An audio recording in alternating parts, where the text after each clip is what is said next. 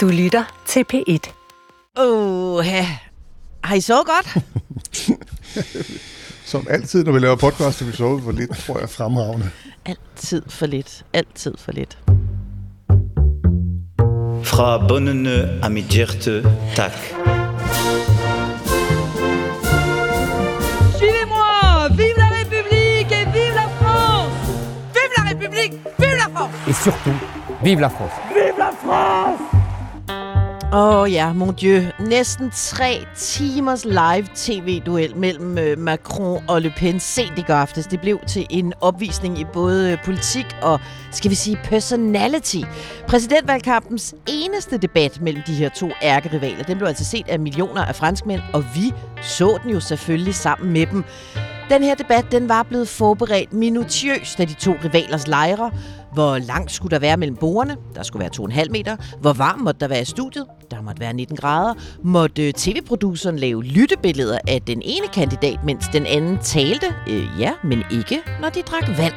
Og så var det ellers derfra op til kandidaterne at håndtere de otte emner lige fra købekraft og klima til udenrigspolitik og indvandring. L'immigration anarchique et massive contribue à l'aggravation de l'insécurité dans notre pays. Det var en til tider nervepirrende og til tider, for nu at sige det som det er, surrealistisk omgang. Og den skal vi selvfølgelig igennem nu. Vi lover bare, at vi gør det med større tålmodighed end Macron. Madame Le Pen. Poussé, mais Madame euh, je Le tiens à vous Pen. dire et à dire à ceux qui nous écoutent que le Madame Le oui, c'est la réalité. Den her store tv-duel er dog ikke det eneste, der er sket på ugens øh, kampagnespor her i Frankrig, så stjerner og striber iler jo selvfølgelig også til med analysen af, hvordan en seriøst behovet brystkasse pludselig kan aflede opmærksomheden fra det hele. Og så har vi øh, måske en slags godt nyt, vi har i hvert fald nyt, ifølge tungen om stakkels Valerie Pekris og hendes indsamling. Kort sagt, bienvenue af stjerner og striber. Holdet er som altid Lasse Berg til rettelægger ekstraordinær med fra Paris. Lasse, vi så jo øh, debat sammen i går aftes. Hvordan vil du beskrive øh, den oplevelse? Ja, vi øh, så den jo med vores kollega Per. Vi havde snacks, vi havde kaffe. Og jeg tænker, det var lidt den samme stemning, som når andre mennesker ser fodbold. Altså, du ved, vi var sgu, øh, vi var i godt humør og øh, klar. Vi øh, klappede af hovedet, da den gik i gang. Jeg vil så sige, tre timer senere, der lignede vi sådan et uh, Tour de France-felt, der kommer ned fra en virkelig hardcore bjergetappe. Gud, hvor var vi trætte. Øh, Ryborg, du er øh, EU-korrespondent ekstraordinær med fra Sverige. Du var jo med os i ånden og i vores meget aktive messengergruppe hele vejen gennem debatten. Er du øh, kommet der over nattens øh, udskejelser? Ja, altså, øh, man tænker jo, når der er en tre timer lang debat, så skal man jo, så, så er man jo færdig, når den er færdig, men det er jo ikke, det er man jo ikke, fordi der begynder jo så le debrief altså hvor øh, alle eksperterne så sidder og kommenterer, øh, og hvor der så også kommer en måling om, hvordan det er gået i debatten, så, øh, så bliver det jo klokken alligevel øh, to om natten, inden man får øh, kravlet i, i seng herude i det mørke Småland. Jeg kunne meget godt lide, Ole, den der lille besked, du sendte ud i vores messenger hvor du øh, fik skrevet freedom i meget store bogstaver, da debatten var slut. det, det, var, det var, den var lang. Den var lang. Engelbrecht, udlandsreporter, hushistoriker ekstraordinær. Du øh, er i Nordfrankrig lige nu, oppe i Marine Le Pens øh, hjerteland. Hvem øh, sad du og så debat med? Altså, jeg sad ude i en meget, meget lille flække. Faktisk så lille, så jeg nu ikke kan huske navnet på den. Nu har jeg øh, t- søgt over i en lidt større by øh, ved siden af den. Men jeg sidder jo altså oppe i, ja, som du siger, Marine Le Pens øh, øh, hjerteland. Jeg så debatten sammen med en øh, lokalpolitiker her, en fyr, som øh, arbejder for partiet, og som går ufattelig meget op i, øh, hvad der kommer til at ske her de næste par dage. Ham hans øh, børn og så familiemedlemmer og venner øh, rundt omkring fra den der lille mikroskopiske by, jeg kan huske navnet på nu. Det er også et stærkt øh, tv-hold. Mit navn det er Stephanie Suryk. Jeg er korrespondent, og jeg er podcastbestyrer, og jeg er med fra min lille Airbnb-balkon her på Montmartre i Paris. Og jeg melder bare klar til en grundig podcast gennemgang af alle de politiske paroler. Bada!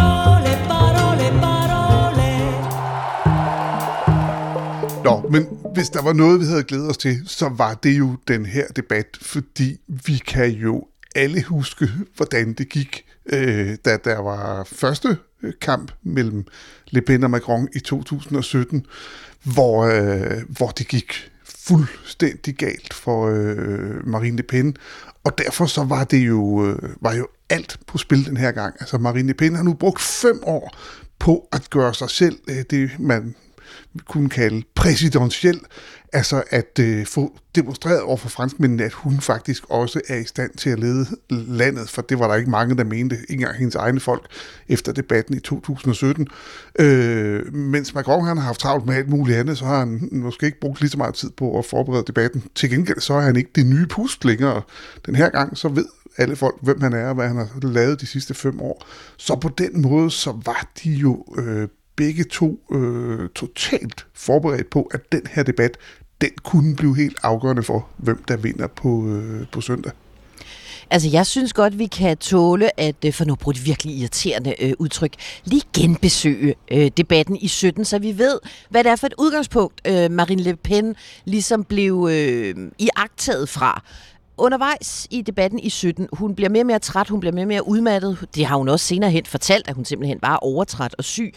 Øh, der knækker filmen for hende i debatten, hvor hun jo pludselig begynder at øh, imitere en fransk øh, tv-serie, da, da Macron taler om, at øh, højrefløjen befinder sig alle steder.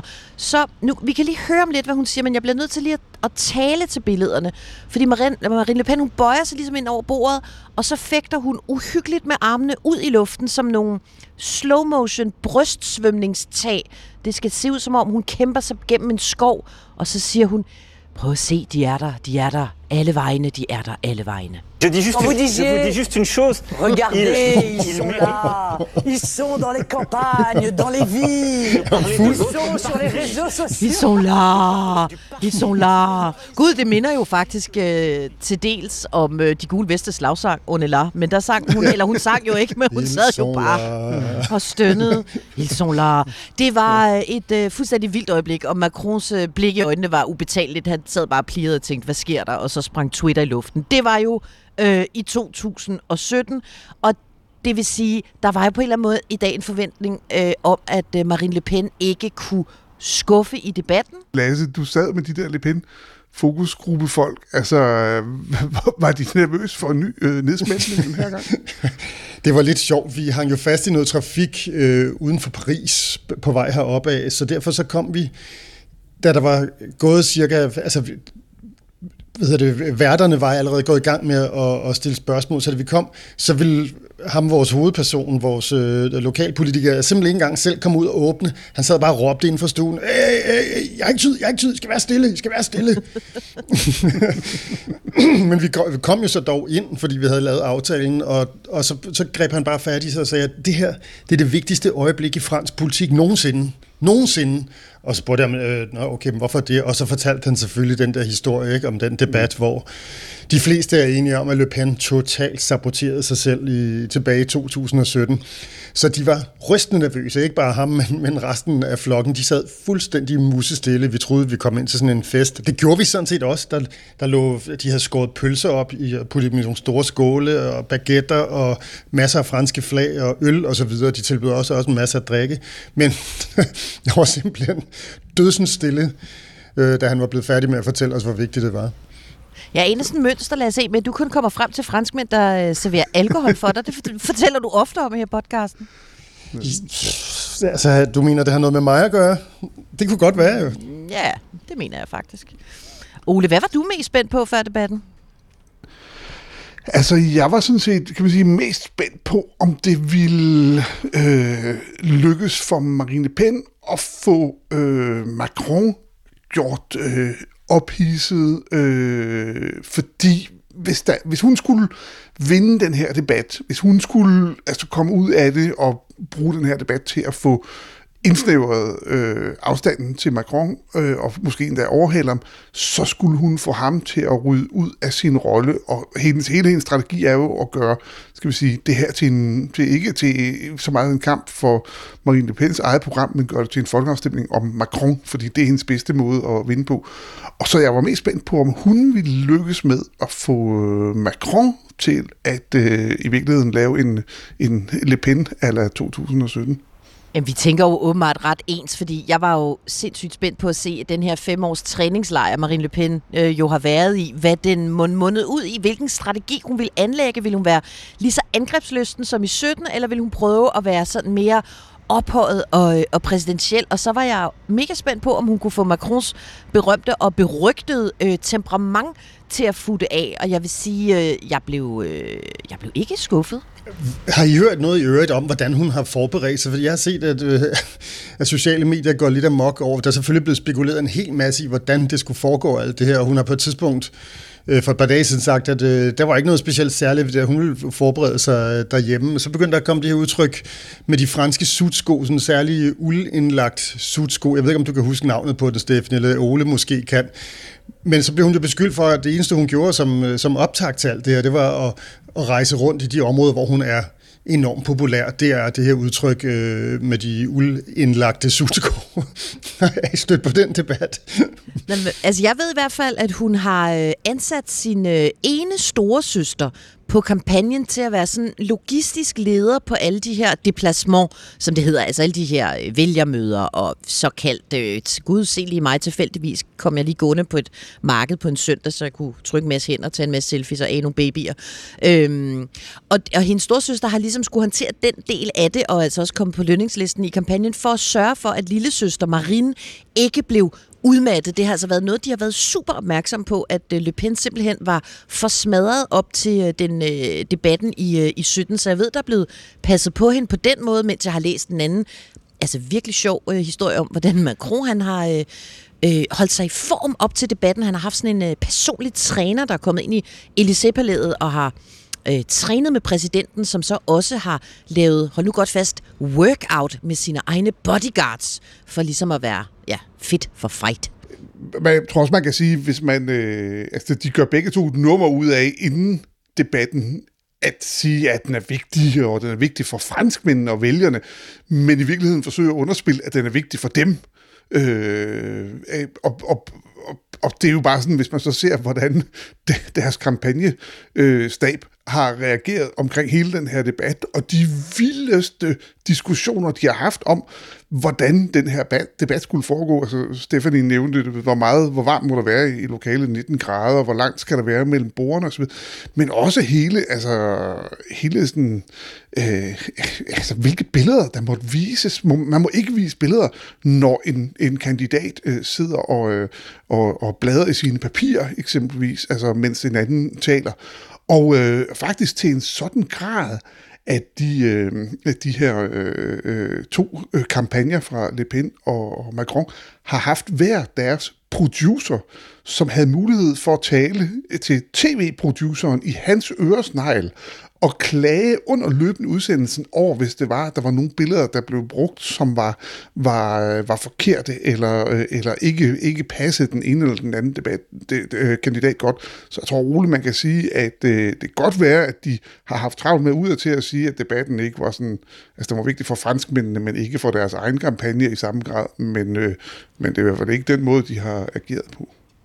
Vi kunne også se, da Marine Le Pen kom ind i studiet, inden debatten begyndte, der, øh, der var der lidt øh, palaver omkring nogle af backdrop-billederne, som det hedder på tv-sprog. Altså de her øh, billeder på studiets øh, baggrundsvæg, som franskmændene så kunne ligesom se kandidaterne sidde og trone op af. Jeg ved ikke præcis, hvad det var, øh, hun ville have ændret, men lad se, hvordan synes du sådan... Øh, Øhm, ikke fordi du nødvendigvis er vores sådan æstetikekspert her i butikken, men hvordan synes du ligesom øh, studiet endte sådan rent koreografisk? Rent koreografisk var man i hvert fald ikke i tvivl om, at øh, der var store ting på spil. Jeg, jeg stussede over det her billede af Élysée-palæet, altså præsidentpaladset, som jo var hele bagtæppet for debatten. Ikke? Og det er jo en enorm flot bygning. Det her det var taget fra nu er, altså Horhuset, Lasse? Ja, det, det, du Horhuset, Horhuset, ja. Det er jo en bygning, vi har gået meget op i tidligere i, mm. i vores podcast-serie. Men det lignede jo simpelthen... Altså, det, de, hen over Horhuset, der var jo sorte skyer. Altså, eller i hvert fald var grafikken meget kikset. Det lignede kulsorte, store tordenskyer, der hang hen over det der. Og så var det sådan noget aftenlys op af Elisabeth. Så det lignede simpelthen sådan noget Altså, det lignede en scene fra et hjemsøgt hus i en amerikansk gyser. Så på den måde synes jeg, at de fik øh, slået en rimelig alvorlig tone af fra starten. Jeg ved ikke, om det var frivilligt eller ej, men det, det, det virkede på mig i hvert fald. Skal vi så bare lige nævne en ting, for jeg tror, at folk, når de hører politisk debat, så tænker de jo lidt ligesom det, vi kender fra dansk tv. Sådan er det jo ikke her. Altså, der er to journalister, der sidder og leder debatten, men de må sådan set ikke øh, blande sig og stille opfølgende spørgsmål og sådan noget. Spørgsmålene er aftalt på forhånd med kandidaterne, og derefter så er det egentlig bare journalisternes opgave at holde øje med, at de to kandidater får lige meget taletid. Man kan simpelthen se sådan et ur, der løber ned, så man kan se, hvem der fører i, øh, i taletid, og hvordan de hele tiden skal forsøge at komme op på, øh, på siden af hinanden. Så jeg kan bare sådan se for mig, prøve at forestille dig, at sætte Kåre Kvist og Kim Bilsø ind i sådan et uh, tv-studie og sige, ja, nu begynder så uh, Mette Frederiksen og Jakob Ellemann uh, en uh, debat, og I skal bare sørge for, at de taler lige meget tid, og uh, hvilke spørgsmål I skal stille, det er sådan set aftalt med deres, uh, deres spindoktorer, inden uh, debatten går i gang, og så skal I ikke gøre mere øh, Bilsø og Korkvist. I skal bare sidde der og holde øje med uret, og så ellers øh, have en rigtig god og hyggelig aften. Det er noget af en øh, anderledes debatform i forhold til det, vi er vant til hjemme fra Danmark. Altså jeg vil sige, i forhold til at dække præsidentdebatter, så det er i hvert fald ikke lige så sjovt at moderere en debat, som det er at lave en podcast om den. Bonsoir et bienvenue à tous pour ce grand débat du second tour de l'élection présidentielle, moment très attendu de la vie démocratique de notre pays. Der var altså jo tydeligvis alt på spil for øh, de to kandidater og alle deres kampagnefolk, og ikke mindst deres øh, politikere rundt omkring i landet. Ham, jeg, jeg sad sammen med den lokalpolitiker, der jeg kom til at sidde og kigge på hans hænder. Han sad og holdt et lille fransk flag i hånden, og da, da Le Pen jo lagde ud med faktisk at begynde at tale hen over en jingle. Øh, begik simpelthen en fejl helt fra starten. Det, jeg tror ikke, hun kunne høre den selv. dans le monde. Mais le plus grand atout de la France, c'est son peuple. Marine Le Pen, oserais-je, alors que le débat a peine commencé, vous interrompre Så kunne jeg se på hans knor, han strammede omkring det der franske flag så meget, så de blev simpelthen blev fuldstændig hvide. Altså han sad bare og stirrede over i det der, åh oh, nej, åh oh, nej, åh oh, nej, åh oh, nej, lad det ikke gå galt, i, lad det ikke gå galt igen. Anyways, spænding, spænding. Hvordan synes I det var? Altså hvordan øh, havde I det, Ole og Stephanie, da, da det var overstået det hele, givet den her helt vanvittige optakt? som Ole bare skrev, freedom, og så alligevel ikke jo. Altså, jeg blev nødt til at sige noget utroligt kedeligt. Da debatten var overstået omkring midnat, så øh, skulle jeg jo øh, sidde og se alle de franske analyser af det, og da jeg var færdig med det, så skulle jeg sidde og forberede en radioviser en gang pæt morgen og en gang morgen-tv-vis, så jeg, jeg, jeg tænkte bare, hvornår må jeg sove? Kedeligt altså. altså, men med dig, Ole? Ja, men jeg, jeg vil sige flere ting. For det første, så, øh, så var det på en eller anden måde øh, rart at se en øh, debat, som faktisk i modsætning til sidste gang, var to præsidentkandidater værdige. Altså, øh, der var faktisk, øh, og jeg vil sige, hvis du sammenligner det igen, som, hvis du sammenligner det med en, en politisk debat i Danmark, så var det her jo en debat, som øh, var så fyldt med substans og, og oplysninger, og hvad ved jeg, som jo, altså, øh, altså det, jeg er ret sikker på, at der ville have siddet x antal tv-producer i Danmark og synes, at ej, det, nu bliver det for kedeligt, nu bliver det for teknisk. Det var øh, derfor, Steffen ikke rigtig orkede det, tror jeg. Nej, jeg kunne ikke altså, det var, men, men det var, det var en, øh, altså på den måde, hvis du, hvis du faktisk blev siddende hele vejen igennem, så sad du i hvert fald bagefter med et meget godt indtryk af øh, forskellen på de to kandidater, og hvad det er, de vil. Så på den måde var det jo en, øh, var det jo en, øh, øh, altså en ret fin øh, debat. Ja, jeg vil sige det sådan, at jeg synes jo egentlig, at den på mange måder var forventelig, i hvert fald i forhold til de karakterer, de to personer, altså Macron og, og Le Pen, ligesom har fået på sig. Altså, hvordan er det, de bliver beskrevet i, i, øh, i, i medierne og, og blandt de folk, man går rundt og, og, og taler om. En af de sjoveste ting, jeg har set efter debatten, Stephanie, det var dig, der sendte et tweet. Det var en tegnsprogstolk, som havde Macron-delen af, af det her. Og han var simpelthen tydeligvis så optaget af Macrons arrogante fremtoning, at det også fuldstændig tydeligt fremgik af hans kropssprog. Ikke? Altså, han stod simpelthen og lignede sådan en karikatur på en sindssygt arrogant idiot. Ikke? Det, var, det var virkelig morsomt. Hvis vi lige før vi går ind og taler om indhold, det skal vi selvfølgelig gøre, kigger på deres form, levede de så op til, til, til de ry og rygte, de har fået, synes I? Altså, Le Pen var jo anderledes, end hun var i 17. Altså, hun havde helt klart valgt, som Ole også sagde, et mere præsidentiel stil. Hun forsøgte at være sådan overskudsagtig og smilende og afparerende. Jeg var ved at falde ned af den lille grønne velursofa, jeg sad i, da hun øh, komplimenterede øh, Macron for hans øh, indsats i forhold til forhandlingerne mellem Rusland og Ukraine. Hun havde ja. virkelig besluttet sig for, at øh, jeg sidder op på den høje hest. Jeg, øh, Macron sad lidt anderledes, ikke, Ole? Kan vi ikke sige det? Det kan man vist roligt sige. Øh, Macron han mindede mest af alt om en, øh, en lærer, der sidder inde, hvis vi sige, der er eksamen. Marine Le Pen er eleven, og øh, Marine Le Pen har fået en opgave, hun er ved at forklare et eller andet, og man kan simpelthen se, at læreren sidder en del af tiden, ret meget af tiden, så sad han med armene over kors, det skal man jo aldrig gøre, altså for så man lukket ind i sig selv. Han, nogle gange sad han og hvilede sit hoved i, i øh, både på en hånd eller på begge hænder, mens han kiggede over. Så men, når Marine Le Pen talte, så var han simpelthen som den der lærer, der allerede fra det øjeblik, hun åbner munden, eleven Le Pen, øh, kan høre, at hun ikke har forstået opgaven, hun har fået, og læreren er klar over, at hun er nødt til at få lov til at tale, inden han går ind og i rettesætter hende og forklarer, hvad det rigtige svar egentlig var. Og det var sådan meget det øh, indtryk, man fik af Macron hele aftenen. Han lignede i perioder en, der kedede sig, fordi han simpelthen synes, at det var for, øh, for banalt, det Le Pen sagde, eller det var, det var simpelthen ikke interessant nok til, at han egentlig gad at være med. Og så så sad han og ventede på, hvornår det var hans tur til lige at sætte tingene på plads, som han synes det skulle se ud. Det var, øh, og det kunne du også se, der kom sådan en måling i nat her om, hvordan tv-serien havde set på det. Og øh, hvis der var et område, det område, hvor, hvor Macron vandt klart bedst, mest, det var på opfattelsen af, om han var arrogant. Det mente simpelthen, hvad anden tv-serie, TV-serie at han var. Det er jo også altid sjovt, når man ser debatter, lige at have et blik med på, øh, på Twitter, og der var to hashtags, der trendede i går aftes mellem kl. 21 og midnat, og det var øh, øh, debat Macron Le Pen, og så det andet hashtag arrogant. Øh, så det fyldte meget. Let us face it. There is no planet B. Købekraft har jo været det emne, som franskmændene igen og igen har fremhævet som det, det vigtigste i den her valgkamp. Og noget af det, Marine Le Pen har fået ros for, stort set alle steder, det er, at hun har været ret stærk på det emne. Hun har været virkelig god til at connecte med sine, med sine vælgere øh, derude og tale med dem om den her følelse af, at man simpelthen ikke har penge øh, til at leve øh, et ganske almindeligt liv derude. Hvis vi starter med det, hvordan klarede hun den i går, synes I? Det var jo det første emne, de kastede sig over i debatten. Hun startede sådan set øh, godt på øh, købekraften. Og, øh, altså, hvor det hun gjorde, det var, Marine Le Pen jo, at gøre det ret klart, at hun havde rejst rundt i hele landet.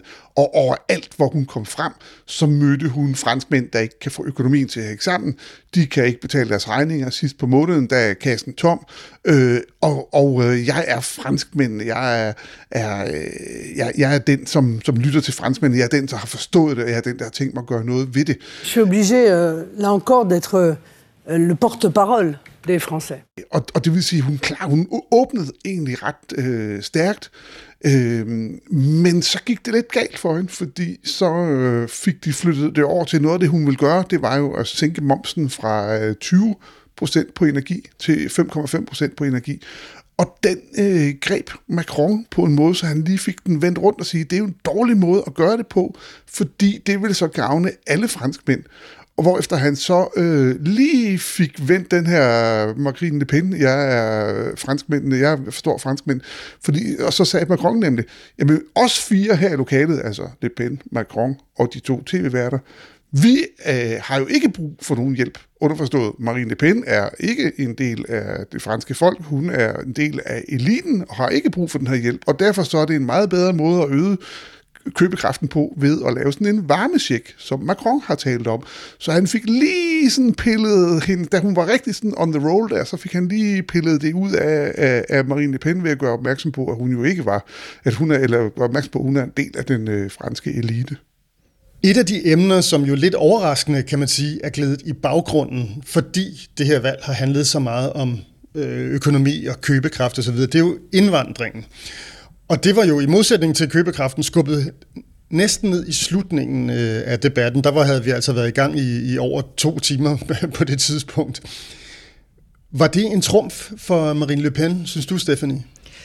Altså, det skulle jo have været hendes trumf. Altså, jeg må sige, jeg havde, øh, jeg havde næsten helt ondt af hende der, fordi der, hvor hun virkelig skulle øh, shine på det her område, der var øh, de jo begge, altså, de var jo alle sammen trætte i studiet, og jeg ved ikke, hvor mange seere, der har, overhovedet har været øh, tilbage så mange timer inde i debatten, hvor hun jo virkelig øh, kunne øh, få udfordret Macron på et emne, som øh, mange franskmænd jo er øh, optaget af, altså deres egen sikkerhed og indvandring to emner, som det jo for mange af kandidaterne i valgkampen er lykkedes at koble sammen. Altså sikkerhed og indvandring hører, øh, hører sammen. Øh, hun fastslog jo, at det er jo mig, der er nødt til at være franskmændenes talsmand på det her område. Øh, og så gik hun jo øh, af karsken bælg ombord i islamiseringen af Frankrig. Og Macron forsøgte jo at stoppe hende flere gange ved at udfordre for eksempel hendes øh, ambition om at kriminalisere kvinder, som bærer øh, muslimsk hovedtørklæde på øh, gader og stræder. Han prøvede virkelig at sige, prøv at høre, det vil i så fald være det eneste land i verden, der har det her, øh, eller i Vesten, der har det her forbud. Øh, men det bed hun ikke rigtig på. Altså, jeg, jeg synes sådan set, hun prøvede at at møffe på og vise, at øh, Emmanuel Macron har været for øh, svag og utydelig og ikke forstår, hvad det er for en, øh, en risiko, Frankrig øh, står overfor. Og så prøvede han jo så at, at stoppe øh, Le Pen med et ret bombastisk udsagn, synes jeg nok, hvor han siger til hende, øh, Madame Le Pen, det de foreslår, det kommer til at føre til borgerkrig. Vous allez créer la guerre civile si vous faites ça. Je vous le dis en toute sincérité. Da han sagde ordet borgerkrig, der må man sige, at øh, Marine Le Pen, hun så simpelthen godt gammeldags forbavset ud. Øh, det var ikke en reaktion, tror jeg, til ære for tv-kameraerne. Hun var faktisk virkelig chokeret over at, øh, at høre sin modstander øh, sige, at hendes politik opfordrer til, øh, til borgerkrig. Og Ole, jeg er ikke sikker på, øh, vi sms'ede jo løs, eller vi skrev jo løs i vores messenger-tråd om det her, om det var klogt af Macron at hive det her argument om, øh, om borgerkrig på bordet. Hvad tænker du om det? Jamen, jeg, var, jeg havde på samme måde, altså det, var, det tog tre splitsekunder for vores, øh, vores jeg troede eksploderede. Så what sagde lige øh, Gær Civil? Øh, hvad, hvad er det, der foregår? Og jeg tænkte også, nu har Macron... For mig var det det her, jeg tænkte, det, det her øjeblik, hvor Macron han lige tabte den. Han gik for langt i forhold til, øh, øh, altså lod sit temperament løbe af med sig, og så øh, og, og, og slyngede den der i hovedet på Marine Le Pen.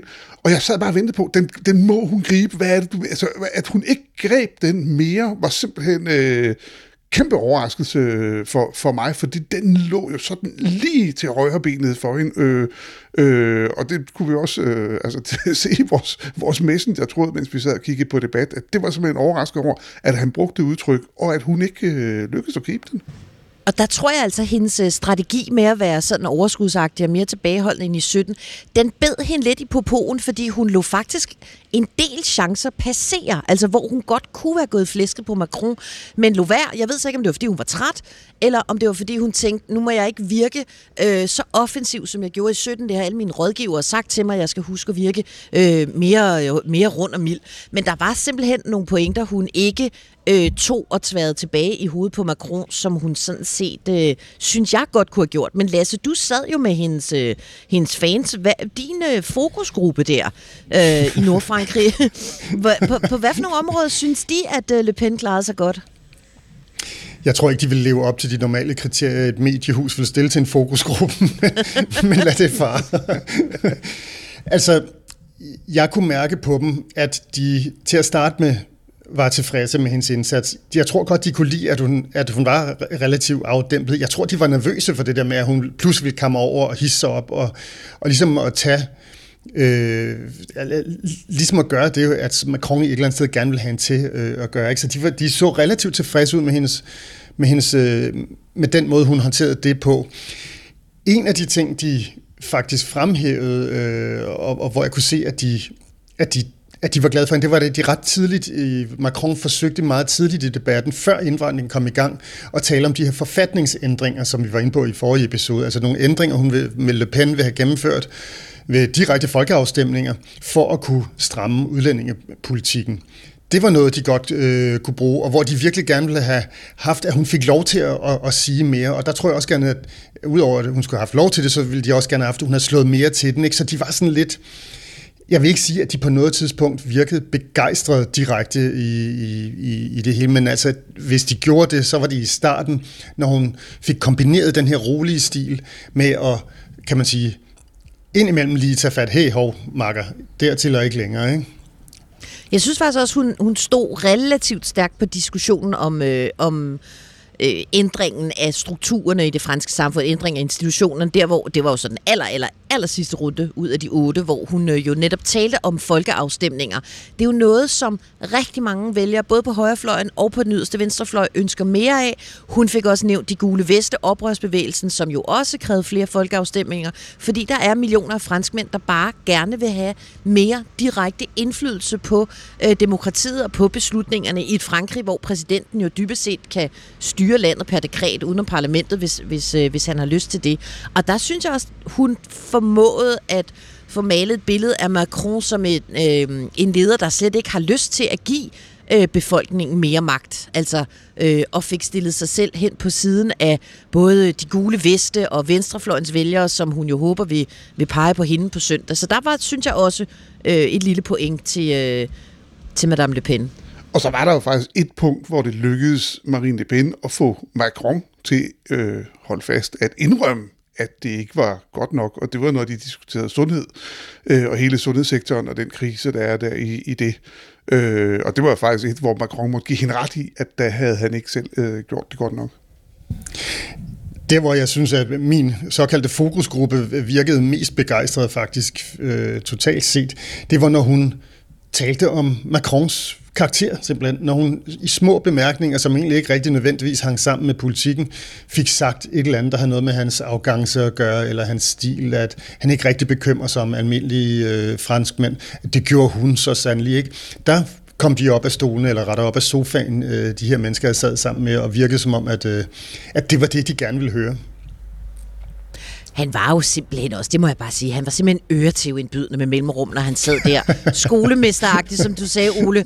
Og blev ved med at afbryde hende og sagde, nu med Madame Le Pen, Madame Le Pen, Madame Le Pen. Altså så nedladende, som man overhovedet kan sige navnet øh, Le Pen.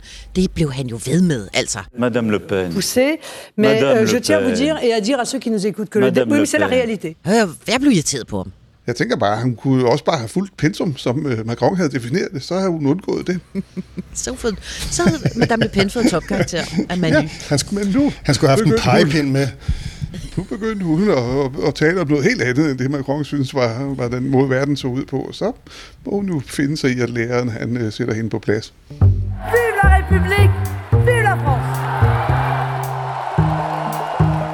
Når det kommer til Macron og hvordan han gjorde det, så må jeg simpelthen bare indrømme, at jeg i hvert fald i dele af debatten havde en lille smule svært ved at fokusere på det, han sagde. Normalt så kan sådan et, et super flot jakkesæt, som man jo altid er på, og slips og så videre, få en, en statsleder til at se seriøs ud. Altså man kan godt sidde og beundre dem lidt og sådan noget. Det havde jeg faktisk temmelig svært ved i går. Og det har egentlig ikke noget med hans skolemesterstil og alt muligt at gøre. Jeg tør godt indrømme, at det var faktisk fordi, at, ja, men altså, det var faktisk fordi, jeg sad og tænkte på, hvad der var inde under den skjorte. Ikke? det lyder lidt underligt. Men Har du nu været på sociale jo- medier igen, Lasse? ja, det har jeg, Ole, for fanden altså. Jeg har sagt Ja. ja. til dig, lad nu være med at være på sociale medier. Læs Le Monde. Oh, det er sjovere at være på de sociale medier. Men altså, historien, som jeg jo ligesom henter til, at vi skal til at tale en lille smule om, det var selvfølgelig en af de mest omtalte op til debatten i, i går, ikke? Og den kom så af, at Macrons hoffotograf, som jo er meget travlt på øh, Instagram, fik lagt et billede op. Lad os sige, var måske så lidt sindig at lægge et billede op, hvor Macron han sidder sådan henslængt på en, det ligner sådan en karigul lædersofa. Så har han taget sin jakke og slipset af, og så knappet den her hvide skjorte ned til noget, der, der ligner navlen. Problemet er jo bare, at man ikke rigtig kan se hverken brystet eller navlen, fordi Macron simpelthen har den tætteste sorte måtte, jeg nogensinde har set. det ødelagde min oplevelse til at starte med, vil jeg sige. Altså, den måtte gik jo pludselig hen og øh, blev det helt store samtale. Jeg ved ikke, om man kan sige valgkampen, men, men bare sådan i Frankrig, Og jeg lavede også mærke til, at de britiske medier, som jo elsker at drille øh, franskmændene, de kastede sig jo over den. Øh, Guardian havde en kæmpe artikel om, hvorvidt øh, Macrons øh, rug, som de skrev, altså hans måtte nu indvarslede en ny øh, sådan mode-æra for mænd, øh, mens andre diskuterede, jamen er det her med vilje, er det for at aflede opmærksomheden fra indholdet af hans øh, sådan, politiske projekt, eller manglen på sammen, at han nu pludselig skal vise sin måtte. Og den måtte var jo så vild, at man måtte jo man blev nødt til at zoome ind på billedet for at finde ud af, om man havde en sort t-shirt på, eller om det var hår. Staying with the election now, Emmanuel Macron has been bearing more than many voters might have been bargaining for. This week, the president has been compared to actors like Sean Connery, Burt Reynolds, and even Tom Selleck for showing off his chest hair. der var en i fokusgruppen, en meget stille ældre dame, der overhovedet ikke sagde noget som helst, men hver gang Macron kom op, så slog hun sig på brystet sådan, uh, så er jeg ret sikker på, at, at det var en uh, slet skjult hentydning til Morten. Lad mig lige sige, at Macron blev jo faktisk nødt til at forholde sig til, den, det, altså til Moddegate, fordi han øh, deltog i sådan et lidt øh, let breakfast-agtigt underholdningsnyhedsformat øh, øh, morgenen efter, at det her billede jo øh, gik øh, viralt, og der øh, underholdt de der værter jo øh, sig selv ret meget med, med Moddegate, og så spurgte øh, verden som Macron, altså helt ærligt, har du ikke, altså, skal du ikke clear de der billeder, der bliver lagt ud? Det var jo sådan et ud af ti billeder i en serie. Og så siger Macron sådan lidt, jo, jo, jeg, jeg tror også, den er blevet, den der serie er jo blevet godkendt, og så sagde han sådan, det gik nok lidt hurtigt lige med det der billede. Jeg tror, der er en eller anden pressemedarbejder, der har skulle godkende den der serie, som nok har fået en lille præsidentiel reprimande øh, over, at alle vi andre, vi fik øh, en ordentlig tur på måden. Nå, men for dem, der kunne abstrahere fra, hvad der var bag øh, Macrons øh, hvide skjorte. Hvor, hvordan synes I, han, øh, hvordan, hvordan klarede han den? Hvor stod han stærkest? Han stod stærkt flere steder egentlig, ikke? Synes du ikke, Ole? Jo, altså, altså som det alt er med en tre timer lang debat, så det, der står klarest, er sådan set alt det, der, sker i begyndelsen, og så det, der sker i slutningen, bare fordi man er så lettet over, at nu er det slut. Øh, og øh, og øh, jeg vil sige, øh, altså, de startede jo med købekraften, og det, det, der var sådan, der sad vi og kiggede på, øh, går de amok, ligesom, eller går de amok ligesom sidst eller ej, så kom de igennem den, så kom de til det, de, øh, og bare det at give den overskrift, le, le det internationale, og, og altså, det var jo aldrig gået i Danmark. Altså i Danmarks Radio, hvis vi havde sagt til en redaktør, altså punkt to i debatten handler om det internationale, og så sagde okay, det må lige sådan mere sexet. Øh, Bare for at være specifikke. Øh, ja, præcis, kan ikke lige, men det hed det så øh, det internationale. Og der må jeg sige, der var jo altså et område, hvor, øh, som må have gjort så ondt på Marine Le Pen, fordi det havde, det havde Macron forberedt. Han øh, gik direkte i flæsket på Marine Le Pen og sagde, når du taler om Rusland, så taler du ikke med en, øh, en politisk leder, så taler du med din, øh, din, din bankmand. Vous ne parlez pas à d'autres dirigeants, vous parlez à votre banquier quand vous parlez de la Russie. C'est ça le problème, Madame Le Pen. Og øh, det, er jo, øh, det var jo ret voldsomt, og hun skulle prøve ligesom at komme ud af det der, og det var jo... Øh, at den var, den var virkelig, virkelig hård og brutal. Ja, altså hun prøvede jo at vende den om og sige, øh, en af grundene til, at jeg var nødt til at låne penge til min forrige valgkamp i Rusland, var jo, at ingen franske banker ville låne mig penge, fordi vi altid, og så begyndte hun på ligesom den her øh, ret stærke fortælling, der er omkring hendes parti. Ingen vil hjælpe dem, institutionerne i Frankrig og sådan set i EU rotter sig sammen mod dem, og derfor blev hun nødt til at, øh, at gå til udlandet. På et tidspunkt, der prøvede hun faktisk mere end at antyde, at det var øh, i Macrons tid som, øh, som minister, at hun havde været presset til at øh, gå til udlandet for at låne de her penge, hvor han måtte sige, jamen altså prøv at høre, jeg havde ikke ansvar for de franske banker, øhm, og der er ikke nogen franskmænd, der har svært ved at få et lån i en fransk bank, der kan bare kan spacere hen til en russisk bank og låne øh, millioner. Og så blev han jo ved med at bide fast i det her med, at hun ikke er færdig med at betale af på sit lån til russerne. Hvorfor han jo mere end antyder, at hun ligger under for dem i sin udenrigspolitik. Og så var det en ansætning, jeg tror, der kommer til at gå over historien, hvor han blev ved med at sige, indrøm det, Indrøm det. Altså indrøm, at du stadig skylder dem penge, og du ikke er fri. Et donc assumez-le, c'est tout. Assumez-le, Madame Le Pen. Assumez-le, Madame Le Pen. Assumez-le. Altså, hun kæmpede bragt, men øh, den var hård, ikke? Og så understreger at det der øh, lån jo skal betales tilbage frem til, øh, hold fast, 2028. Med andre ord, at øh, hele valgperioden, hvis Marine Le Pen bliver valgt, så vil hun være i øh, gæld til en øh, russisk bank, samtidig med, at hun er øh, Frankrigs øh, præsident. Der havde han, øh, der havde han altså en fest. Ja. Hvad sagde, hvad sagde fokusfolket til det, Lasse? Altså fokusfolkene var jo, det bliver jeg nødt til at sige, generelt set hele vejen igennem, så lignede de lidt, sådan, øh, de lignede mig, når jeg sidder og ser det danske landshold spille øh, mod Luxembourg, og den ender 0-0, vil jeg sige. Ikke? Altså det var, det, det var, de var simpelthen ikke overdrevet begejstrede. De, havde deres øh, små øjeblikke, ikke? Men, men generelt set, så tror jeg simpelthen, at de, at de synes, at det var lidt en flad omgang. Hvad med Rusland? Talte de om det? Synes de, det er øh, et ømt punkt for hende, eller en, en øm tog? Man, man, kan, man kan tydeligt se, at det er et, et ømt punkt for dem. Ikke? Han var faktisk sådan, så han sagde til mig, da vi lavede et kort interview sådan under debatten, at ja, lad, os, øh, vi, lad os tale om det der Rusland. Kan vi gøre det i morgen? Jeg skal mødes med dem her om lidt, og derfor skal jeg også ud af døren lige om lidt. Øhm, så jeg vil undlade at, at tale Rusland med ham. Det er jo heller ikke det, jeg møder ham for. Men, men den der med Rusland, den gør ondt på dem. Det gør den virkelig bare, når man snakker med de tidligere Seymour-vælgere, når man taler med Le Pens vælgere her rundt omkring, så er det et af de emner, de aller, aller nødest vil, vil tale om og, og, og Macron øh, udnyttede jo den der, altså ikke bare i forhold til, at øh, hun skylder penge til en bank, men også, øh, hvem var den første til at, øh, at acceptere Ruslands annektering af Krim? Ja, det var Marine Le Pen, og så sent som her, i, øh, her øh, tidligere på måneden, da der var den seneste samling i Europaparlamentet i Strasbourg, øh, og hvor der blev stemt om en resolution om, om mere støtte øh, fra, fra EU til Ukraine.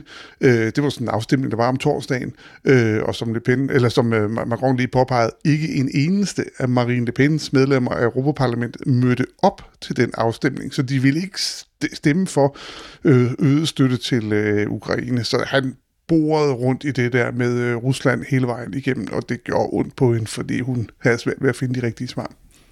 Ja, altså, han er også virkelig god som den lærermester, han er, eller gerne vil være i hvert fald, eller gerne se ud som om, og bare blive ved. Altså, når den der, det faktum der, kunne du ikke lige komme rundt om, så prøver vi lige med fire mere. Ikke? Altså, han er virkelig god til at følge op, så, så det ikke rigtig bliver muligt for hende øh, at, at, at finde fodfæste så prøvede han jo også virkelig at bore rundt i, øh, i EU, fordi han godt ved, at der er mange franskmænd, der synes, at det er utrygt en, en eventuel udsigt til et øh, Frexit, altså et fransk øh, Brexit, og der var hun jo benhård. Der blev hun jo ved med at sige, ligegyldigt hvordan du vender og drejer det, Monsieur Macron, så vil jeg ikke ud af EU. Jeg troede ikke, de var konspirationsteoretikere. Tro nu på, hvad jeg det var siger. Meget sjovt. ja, når jeg siger, at jeg ikke, hvis jeg gerne vil ud af EU, øh, så vil jeg bare sige det. Det er ikke det, jeg vil. Og så gentog hun den der konspirationsteoretiker pointe, øh, for ligesom at stadfeste, øh, jeg vil ændre EU-samarbejdet indenfra, men jeg vil ikke have os ud af unionen. Monsieur Macron, Euh, je ne pensais pas que vous tomberiez dans une forme de complotisme. Euh, je, je ne souhaite pas en sortir. Men den vendte han jo så også om, øh, Macron, på en måde, som så gjorde øh, den tænkte, okay, så han så også kigget på og siger, så det betyder altså, så, så det betyder altså, at de har ændret 80% af deres politik i forhold til sidst. Og så røg den jo ind i hovedet på hende, for det ville hun heller ikke rigtig have siddende på, så den svarede hun så ikke på, men øh, så, altså, han, jeg synes, han var skarp, det var han altså. Vive la République! Vive la France! En af de ting, som var hvad skal jeg ikke sige, sjovt eller underholdende lige frem, men i hvert fald interessant for mig at se i min fokusgruppe, ikke? det var, hvor meget de hader Macron. Altså, de sidder simpelthen og banner og svogler stille og roligt ind i, deres, ind i dem selv, hver gang han toner frem, og der især, når han sådan læner sig tilbage og lægger armene over kors øh, og, og belærer Le Pen. Hvor synes I, de to klarede sig dårligt, øh, Stephanie Ole?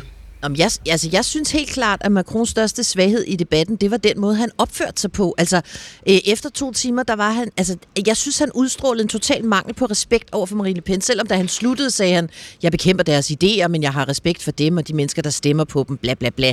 Øh, det virkede bestemt ikke som om, han, øh, han mente det på...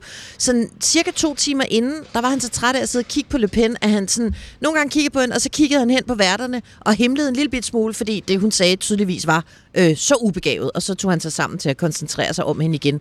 Og så var det jo hele tiden det der, rette hende, rette hende, rette hende på alt, også relativt unødvendige ting. Altså, jeg tænker, Ole, det glimt, vi fik af Macrons personlighed i går, og som de franske vælgere blev udsat for, er det, øh, er det noget, du har nogen fornemmelse af? Er det også det, man bliver udsat for i Bruxelles, når man sidder med ham bag lukkede døre, og der ikke er tv-kamera på? Øh, svaret, øh, det korte svar er ja. Øh, når jeg taler med, med diplomater og politikere, og sågar der også en gang med stats- og regeringschefer, når man øh, løber ind i folk, øh, og der er EU-topmøder, det er der jo i hvert fald, sådan, i hvert fald fire gange om året, så er den Macron, vi stod ved det her møde i går, øh, eller ved den her debat i går, det er også den, som øh, de andre stats- og regeringschefer oplever, når der er EU-topmøde. Husk på, stats- og regeringscheferne sidder alene inde i lokalet ved EU-topmødet. Der er ikke nogen embedsmænd, der er ikke noget. De sidder alene derinde. Og der, der er en meget fri tone, hvor de afbryder hinanden, råber på tværs af lokalet, ah, kom on nu, du kan da ikke mene det der, og så videre. De er sådan ret brutale, øh, de der stats- og regeringschefer. Husk på, det er 27 stykker, som er vant til at, at bestemme. Og øh, når du taler med folk om, hvordan Macron er, så er han altså også sådan over for, for en række af de andre. Der kan han sagtens finde på at afbryde en Mette Frederiksen, eller en, øh, en han elsker at skælde ud, er jo Viktor Orbán, den ungarske premierminister. Og det kan han, altså han er sådan. Han er øh, en bedrevidende pain in the ass øh, fyr. Og det er selvfølgelig altid irriterende, når det er, at folk øh, har læst på teksten øh, og er for, velforberedt. Og det er han øh, på sådan en irriterende måde. Det var jo kun i virkeligheden Angela Merkel, som var den eneste, som var endnu mere velforberedt end, end, øh, end Macron ved de der topmøder, og som ikke lod sig hisse op. Men han er, han er det er velkendt, at han kommer farne ind, og han har en milliard idéer, og han presser folk på alle mulige måder, og råber og, og afbryder, og hvad ved jeg. Så det, det vi så i går, det er også det, som øh, Mette Frederiksen og andre oplever, når de ser ham til, øh, til topmøder. Så altså, hvis, øh, hvis Marine Le Pens, eller et af hendes mål i hvert fald, har været at få fremstillet Macron, som det han ofte bliver beskrevet som, sådan et arrogant, lærermesteragtig type, ja, så behøver hun sådan set ikke selv at gøre det. Han, han skal nok selv sørge for det, ikke? Ja, det må man sige. Men jeg tænkte sådan lidt, altså, okay, hun kunne ikke klare det her kortet den her gang, Marine Le Pen, fordi hun var op mod øh, Macron, som var, var, var, var, var, var meget velforberedt og kunne sine ting. Men jeg tænker bare, hvis, øh, hvis nu ikke Macron var røget videre, men det eksempelvis havde været Marine Le Pen hos, mod øh, Valérie Pécresse, så tror jeg, at Frankrigs næste præsident var, havde været øh, Marine Le Pen, for hun var klart, klart, klart bedre, end hun har været før, og hun har rykket tættere på at gøre sig selv mere præsidentiel. Hun er stadigvæk et stykke vej derfra, men, øh, men øh, hun er 53 nu, øh, det vil sige, så er hun øh, 58 om fem år. Det er jo ingen alder. Øh, som, så, så jeg vil sige, øh, hun kunne ikke klare Macron. Det var i hvert fald ikke min opfattelse af det her, men, øh, men, men øh, hun, hun, hun er klart blevet bedre, end øh, hun var for fem år siden. Og hun har jo koketteret med, at hun ikke stiller op igen, men øh, talrige er de politikere. Brolagt er vejen til helvede med politikere, der sagde, at de ikke ville, at de ikke ville stille op igen. Så det må være sådan en øh, hang in der til øh, Stjerner og Striber 2027. Men, men kan vi ikke bare konstatere, at det vil være, hverken, altså hverken du eller jeg tror på, at der vil være et, øh, et næste præsidentvalg, hvor der ikke er en eller anden Le Pen, som er opstillet? Der er altid en eller anden Le Pen et eller andet sted. De er mange. Ils sont là. Mais moi, j'envisage d'être présidente de la République française. Vi skal jo lige runde en øh, stolt tradition her på øh, podcasten. Det er en øh, tradition, vi dyrkede under det amerikanske præsidentvalg, under det tyske valg. Det er what the fuck-runden. Det øjeblik, som muligvis aldrig nogensinde vil forlade vores sind, men muligvis heller ikke var det mest centrale i øh, debatten. Vi har hver især valgt et what the fuck moment, men inden vi tager den øh, æresrunde, så vil jeg godt lige øh, hurtigt hylde øh, dagens bedste webadresse. Kære venner, den hedder dr.dk-baguette. Det er simpelthen en genial URL. Der sidder øh, Ole og Lasse E. og jeg øh, fredag fra klokken øh, 3 om eftermiddagen til klokken 4 og svarer på alle mulige og sikkert også øh, umulige spørgsmål om valgkampen, om Morten, Why Not, podcasten, hvad I end måtte øh, brænde inden med her øh, fredag eftermiddag, som jo er bare to døgn før Frankrig finder sin næste præsident. Det er det format, der normalt hedder øh, tæt på, og jo altså sådan en slags øh, brevkasse på DR.dk, men Frederik fra DR.dk har været så genial at give os navnet Det er DK Baguette. Det er stærkt. Nå, øh, Lasse E., inden du skal ud på øh, optagelse med øh, fokusgruppen, hvad var dit øh, what the fuck moment i går aftes? Oh, jeg, jeg er næsten ked af at indrømme det, og jeg har allerede været lidt inde på det. Det var simpelthen, at jeg fandt mig selv bare stående med tomt udtryk i øjnene, stiger på den øverste knap i Macrons skjort. det, det var simpelthen for mærkeligt et øjeblik. Og så kom jeg til at tænke på, og det må vi tage op senere hen vi bliver nødt til at tale om det hår, der er på hovedet af Macron, for det bliver altså mærkeligere og mærkeligere, men det, det tager vi fat i senere. Det tænker jeg også i går, faktisk. Men, men øh, ja, vi, og vi kan, også, vi kan også tale om, hvorfor du er så øh, optaget af Macrons kropsbehåring, men det, det tager vi også senere. Lasse Berg, vi sad jo øh, i tre timer og guffede slik og så øh, valgkamp, eller så øh, debat sammen med vores øh, gode kollega Per Bang. Øh, og I to, I var jo oppe at køre mange gange. Hvad tager du især med dig af What the Fuck Moments fra i går? Jamen, det var, da øh, Le Pen på et tidspunkt under debatten om Ukraine fisker en rekvisit op, hun har gemt, og det er altså et A4-ark, hvorpå hun har printet et tweet, hun selv har skrevet i 2014, om Ukraine og annekteringen af Krimhaløen. Øh, og det har hun så foldet øh, meget sirligt på midten og pakker ud og viser så til Macron og til seerne, øh, at hun i 2014 skrev, at hun støtter et frit Ukraine øh, netop for at modgå den her kritik af, at hun er lidt for øh, venlig og, øh, med, med Putin og Rusland. Lasse, du kaldte det for boomeragtigt. Hvorfor? Jamen, det er det her med at, at printe noget, man har skrevet på internettet. Altså, måske det bare skal, skal blive på internettet, det der ligesom sker der, ikke? Og internettet, de, altså, øh, de skuffer aldrig, og der blev også lavet memes, altså, hvor øh, folk har slettet, hvad hun egentlig har skrevet, og så puttet deres egen ting ind.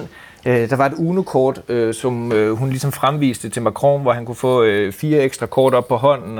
Og øh, også det her billede, famøse, berygtede billede af Macrons måtte, var der også nogen, der havde sat ind, som hun så kunne vise frem til Macron under debatten. Det var, øh, det var et herligt øjeblik. nu bliver jeg nødt til at gå alle sammen, så må I lige øh, gøre det helt færdigt. Jeg er stadig med dig, Lasse. Ud på optagelse. Hvad er det, du skal lave? Jeg skal ud og snakke med min øh, fokusgruppe. De skal på markedet her om lidt, så øh, det skal jeg med til. Okay, god tur. Tak. Vi ses. Hej. Jeg vil bare lige sige, uh, Lasse Bav, at nu sidder du her helt heldigt og taler om, hvad alle de andre uh, lavede af memes på Marine Le Pen. Der var også ret sjovt, hvor hun trak det der meme-kort frem, og så var nogen, der havde skrevet på det i stedet for, uh, jeg skulle bare have givet min plads til Mélenchon. Fordi hun jo, altså, nå. Men, uh, men Lasse Bav, du lavede jo faktisk et meme selv. Uh, du lagde det godt nok ikke ud, du lagde det bare til os andre, hvor der på det her uh, papir, som Le Pen tog frem i studiet, pludselig stod, jeg elsker stjerner og striber. Det synes jeg godt lige, vi kan overveje at, uh, at lægge ud. Hvad havde du af what the fuck øjeblikke, Ole?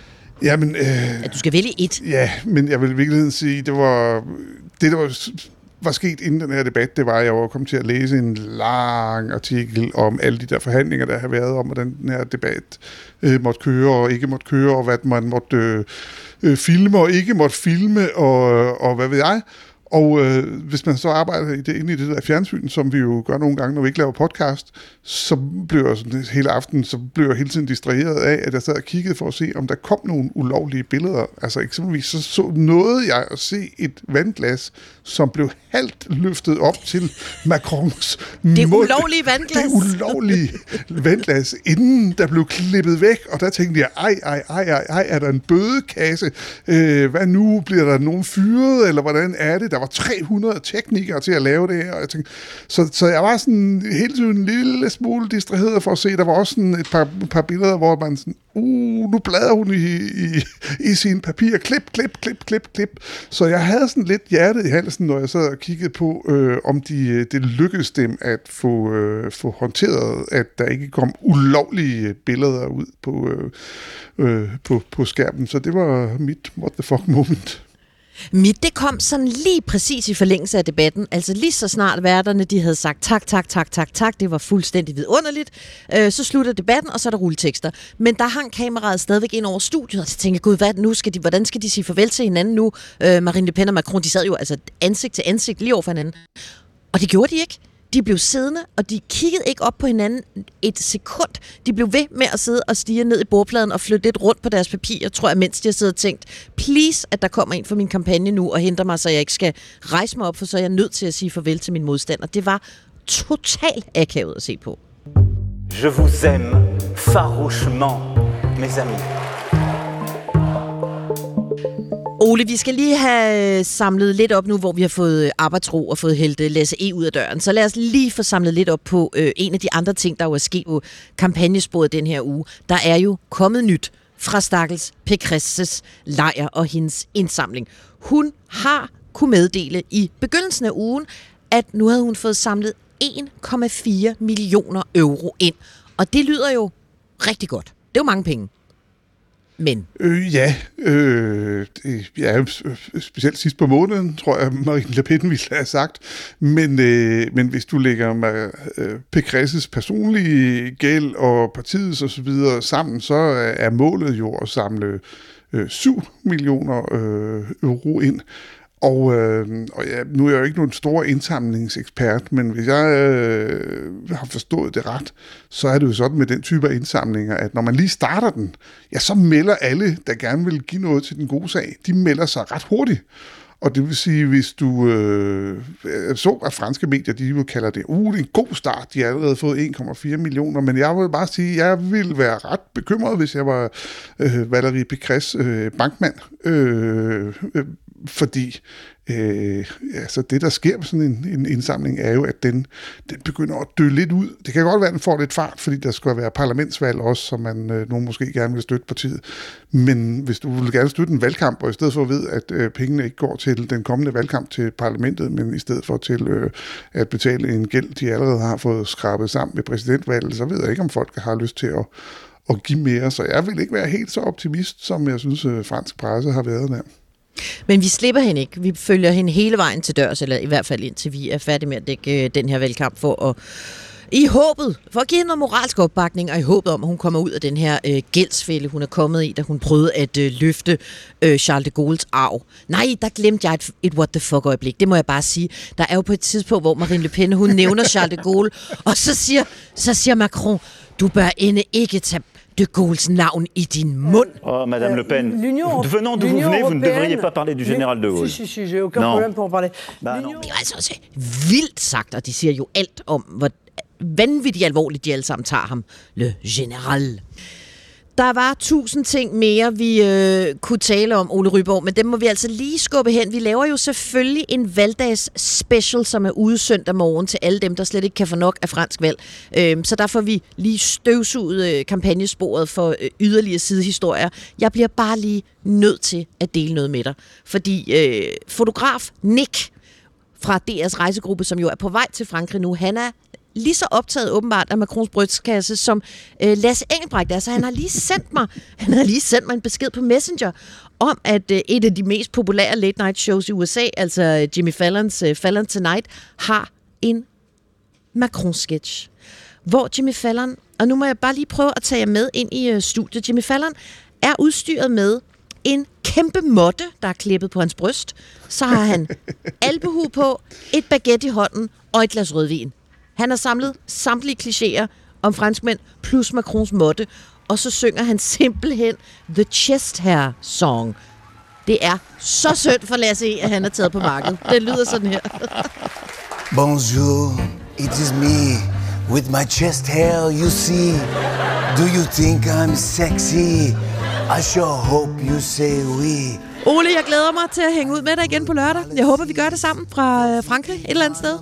Det håber jeg også. Lasse Berg, tak for i dag. Lasse E. må Gud være med dig og fokusgruppen ude på markedet. Vi ses. Det gør vi. Hej.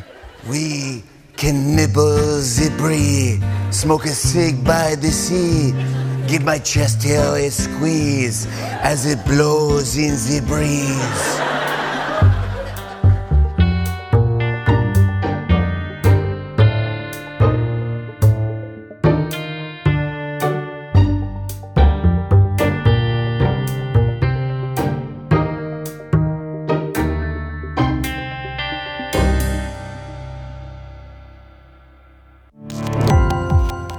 Gå på opdagelse i alle DR's podcast og radioprogrammer. I appen DR Lyd.